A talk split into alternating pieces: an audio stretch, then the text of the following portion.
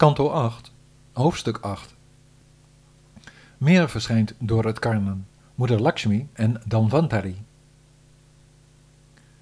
Sri Shuka zei, Toen het gif door hem die de stier bereidt, heer Shiva, was opgedronken, hervatten de onsterfelijken en Danava's blij snel het karnen van de oceaan en verscheen daarop de koe van overvloed genaamd Surabi, de bron van de ghee.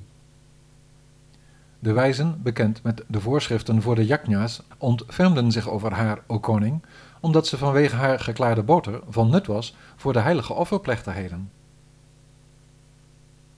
Daarop volgend manifesteerde zich een paard zo wit als de maan, genaamd Uchaishrava, dat Maharaj Bali graag wilde hebben, terwijl Indra op aanraden van de heer ervan afzag het te claimen. Daarna werd de koning van de weerbaarheid, de olifant Airavata, voortgebracht, die met zijn vier slagtanden de glorie van de witte berg Kailasa overschaduwde, de verblijfplaats van de eerste toegewijde heer Shiva. De eerste van een achttal olifanten voor iedere windrichting heette Airavana. Ook verscheen er een groep van acht wijfjesolifanten, die werd aangevoerd door een olifant die Abramo heette, o koning. Vervolgens werd uit de grote melkzee een waardevol lotuskleurig juweel voortgebracht dat bekend staat als het Kaustuba-juweel. Hirari, die het graag wilde hebben, siert er zijn borst mee. Daarna werd de Parijata-boom voortgebracht die de hemelse plaatsen verfraait en die, net zoals u die graag ieders wensen vervult, iedere wens op deze planeet in vervulling doet gaan door te verschaffen wat men maar wil, o koning. Daarna werden de Apsara's voortgebracht, de buitengewoon mooie en aantrekkelijke bewoners van de hemel, die, verfijnd gekleed en met goud behangen, zich sierlijk rondbewegen en een ieder afleiding verschaffen. Nadat zich dat had voorgedaan, manifesteerde zich de godin van de schittering, Rama of Lakshmi in eigen persoon. Met haar stralende luister verlichtte ze, zo helder als de berg Saudamani, in het gezelschap van de Heer, alle richtingen. Iedere sura, asura en menselijk wezen begeerde haar, daar de grootste schoonheid van haar trekken, jeugd, uitstraling en heerlijkheden hun geesten in haar greep had. De koning van de hemel bracht een glorieuze, prachtige zitplaats voor haar en al de heilige rivieren namen een persoonlijke gedaante aan door gouden vaten te vullen met zuiver water. Het land bood al de kruiden die nodig zijn voor het installeren van de godheid. De koeien droegen bij met hun vijf zuivere producten, melk, yoghurt, ghee, uitwerpselen en urine, en de lentetijd leverde bloemen en vruchten. De wijzen voerden de baatceremonie uit zoals voorgeschreven. De Gandharva's zongen gelukbrengende mantra's en hun echtgenotes dansten en zongen mee. Vanuit de wolken klonken dubbelzijdige trommels, pauken, muraja's en anaka's.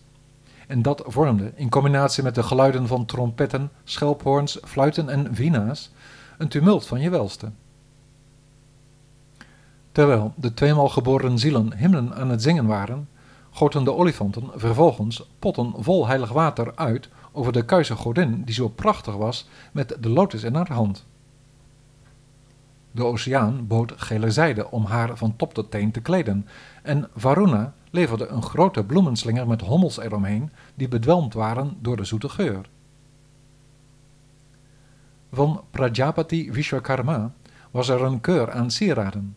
Saraswati, de godin van de wijsheid, gaf een halsketting. Heer Brahma leverde een lotusbloem en de Naga's, de excellenten, gaven oorbellen. Daarop volgend aanbeden in een rituele eredienst liep ze, een natuurlijke schoonheid uitstralend met de sier van de oorhangers langs haar wangen en een verlegen glimlach op haar gezicht, rond door het offerperk met de slinger van lotusbloemen in haar hand en de bijen eromheen. Met haar twee symmetrische borsten, haar slanke middel in harmonie en ingewreven met sandelhoutpasta en kurkuma, zag ze, zich van hier naar daar bewegend, met het zachte getinkel van haar enkelbelletjes, eruit als een gouden klimrank. Op zoek naar een onberispelijke eeuwige toevlucht kon ze, onder de bewoners van de hemel, de volmaakten, de onverlichte zielen, de hoeders van de welvaart, de eerbiedwaardigen en al de andere halfgoden niet één ziel vinden die stabiel was met iedere goede kwaliteit. Ze overwoog, als men zeker is van zijn verzakingen, heeft men nog niet de woede overwonnen. Geestelijke kennis hebben wil nog niet zeggen dat men vrij is van negatieve invloeden van de omgang met anderen, en een grote persoonlijkheid heeft nog niet zijn materiële verlangens overwonnen. Hoe kan iemand die op deze manier beheerst wordt door iets of iemand anders, nu zijn zinnen zichzelf de baas zijn? Iemand mag dan van dharma zijn, maar is hij vriendelijk voor alle levende wezens?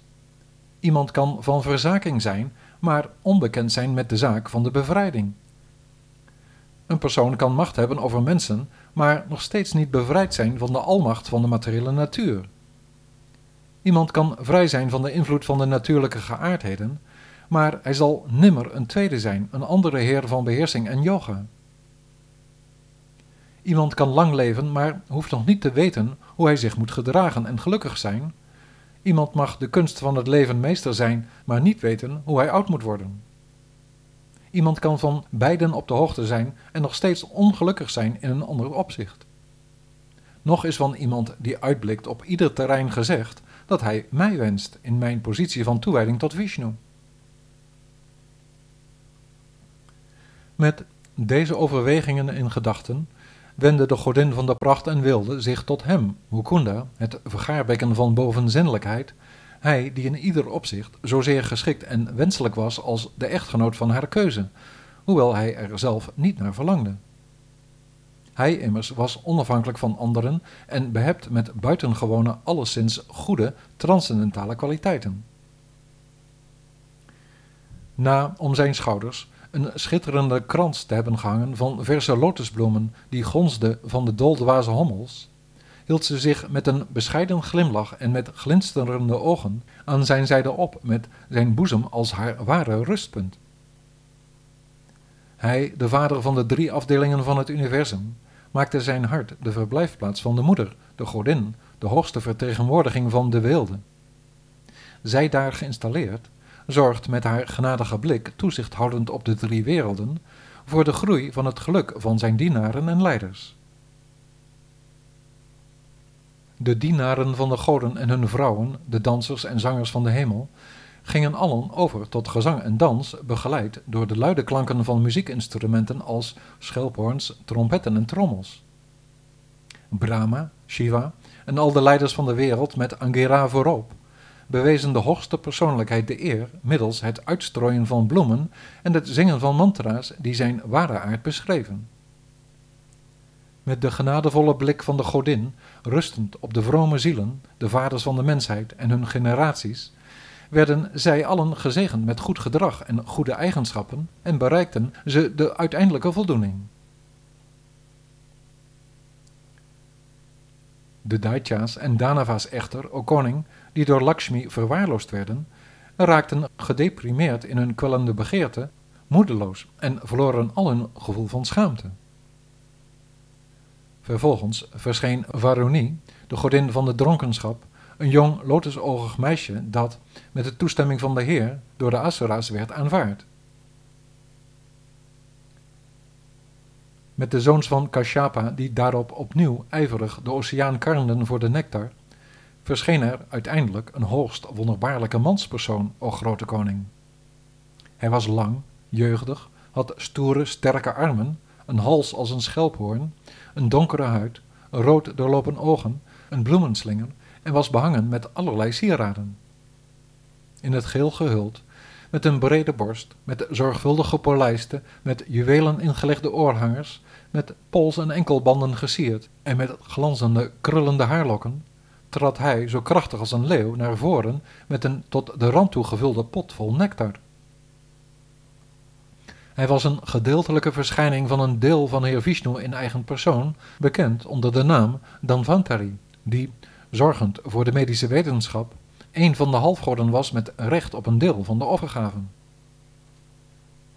Al de Asura's die hem zagen met het vat vol nectar, graaiden, verlangend naar de inhoud, hem onmiddellijk de pot uit zijn handen. Toen de pot met nectar door de Asuras werd meegenomen, deden de halfgoden ongelukkig een beroep op de Heer. Ziend hoezeer ze erover in de put zaten, zei de Allerhoogste Heer, die altijd handelt overeenkomstig de verlangens van zijn dienaren, Treur niet, ik zal er hoogst persoonlijk op toezien dat er oneenigheid onder hen ontstaat, zodat de nectar er voor ieder van jullie is.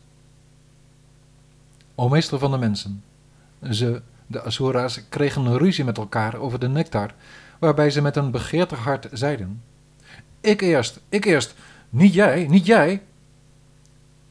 O koning, de zonen van Diti ontzegden elkaar steeds jaloers met geweld de pot met nectar die ze in bezit namen, waarbij de zwakken zeiden: Als ieder van de goden een gelijk aandeel verdiende omdat die zich net zo inspande, geldt dat ook voor ons. Dit is een kwestie van traditionele verplichtingen. Nadat dit zich had afgespeeld, nam Heer Vishnu, de Allerhoogste Heer en Meester, die voor ieder probleem een oplossing heeft, de gedaante aan van een allerverrukkelijkste, wonderbaarlijke vrouw die voor iedereen een mysterie vormde. Zoals een lust voor het oog. Zo donker als een pas geopende lotus was ze in al haar leden van de grootste schoonheid en harmonie. Ze had een rechte neus, een fraaie kaaklijn en versierde oren. Ze had frisse, ferme, jonge, maar zware borsten bij een slank middel en een gelukzalige uitdrukking op haar gezicht. Ze keek wat zorgelijk uit haar ogen vanwege de hommels om haar heen. Met de massa van haar prachtige golvende haar en haar fraaie hals met daaromheen een malika, jasmijn bloemenslinger, met de schoonheid van haar armen, die waren versierd met de fijnste juwelen en banden, met de smetteloze sari over haar borst gespreid, die een eiland van schoonheid was, en met de gordel die ze om haar middel droeg, bewoog ze zich gracieus voort met haar enkelbelletjes.